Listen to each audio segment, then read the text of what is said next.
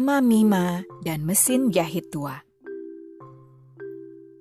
Mama Mima memiliki sebuah mesin jahit kaki yang berusia sangat tua. Untuk menghidupkannya, ia akan menggenjot pedal mesin jahit kakinya sehingga jarum jahit bisa bergerak naik turun dan menjahit bahan-bahan yang ada. Setiap hari, Mama Mima menjahit pesanan pabrik rumahan untuk membuat kain-kain elap yang nantinya akan dijual kembali di pasar besar di Saparua. Mesin jahit kakinya konon mampu menghasilkan 50 elap dalam sehari saja. Dan Mama Mima selalu bangga dengan ketangguhan mesinnya yang hampir tidak bernoda. Yang terpenting jangan lupa dibersihkan mama punya mesin jahit setiap hari. Begitu saran bapak tukang servis mesin jahit ketika mama Mima memintanya datang untuk melihat kondisi mesin jahitnya. Selain menjahit pesanan pabrik, Mama Mima sesekali membuat beragam barang-barang keperluan rumah tangga, seperti lap untuk dapur celemek, keset kaki, atau taplak meja dari potongan-potongan sisa kain yang diperolehnya dari pabrik-pabrik pakaian di daerahnya. Orang bilang potongan-potongan sisa kain itu disebut kain perca. Para tetangga yang pernah melihat hasil jahitan mesin Mama Mima sangat kagum dengan kerapihannya. Barang-barang yang dihasilkannya juga sangat berguna bagi keperluan rumah tangga.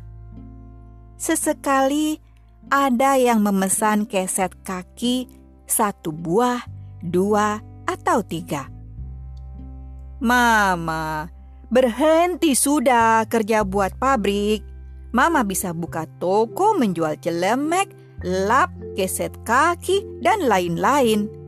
Saran bapak tukang servis mesin jahit lagi ketika ia melihat hasil karya Mama Mima. Ah, yang bercanda Jose, jawab Mama Mima. Beta pun mesin jahit tua.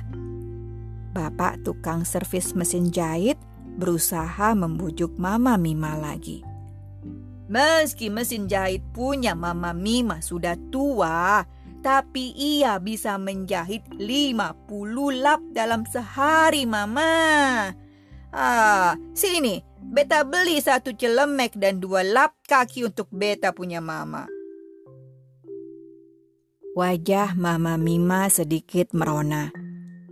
Tak sekali, dua kali ada orang yang memujinya. Namun, Ketika ada yang memuji mesin jahit kakinya yang tua, ia merasa sangat bahagia. Mama Mima tidak tuli dan buta bahwa mesin-mesin jahit baru pengganti yang tua sudah bertebaran di toko-toko di Saparua.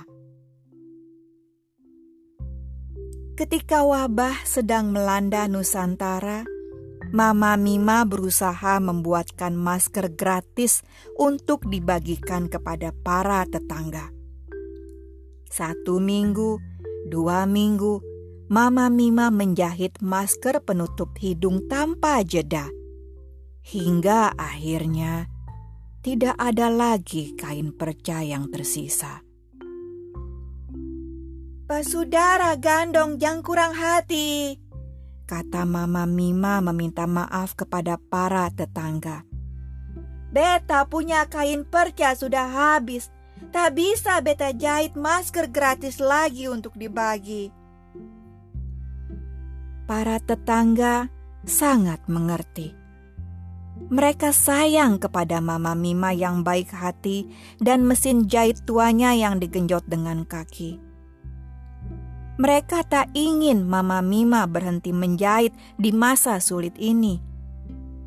Apalagi pabrik rumahan sudah tutup dan tak punya kain lagi untuk dijahit oleh Mama Mima. Diam-diam, satu persatu warga membeli semeter dua meter kain dari toko di daerah mereka. Lalu, setiap hari ada saja yang menyerahkan kain kepada Mama Mima untuk minta dibuatkan sapu tangan, handuk kecil, atau taplak meja untuk keperluan rumah mereka. Jika pesanan telah selesai, warga tak lupa mengucapkan banyak terima kasih dan langsung membayar Mama Mima. Ini uang untuk membeli benang dan merawat mesin jahit kesayangan Mama Mima, kata mereka penuh sukacita. Mama Mima tak mampu berkata-kata di balik matanya yang berkaca-kaca.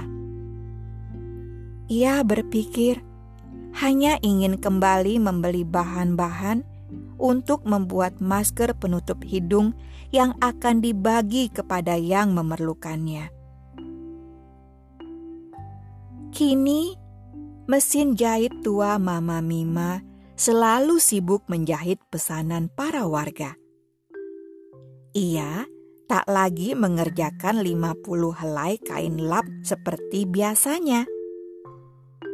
Yang dibuat sekarang adalah beragam kerajinan dan barang-barang keperluan rumah tangga.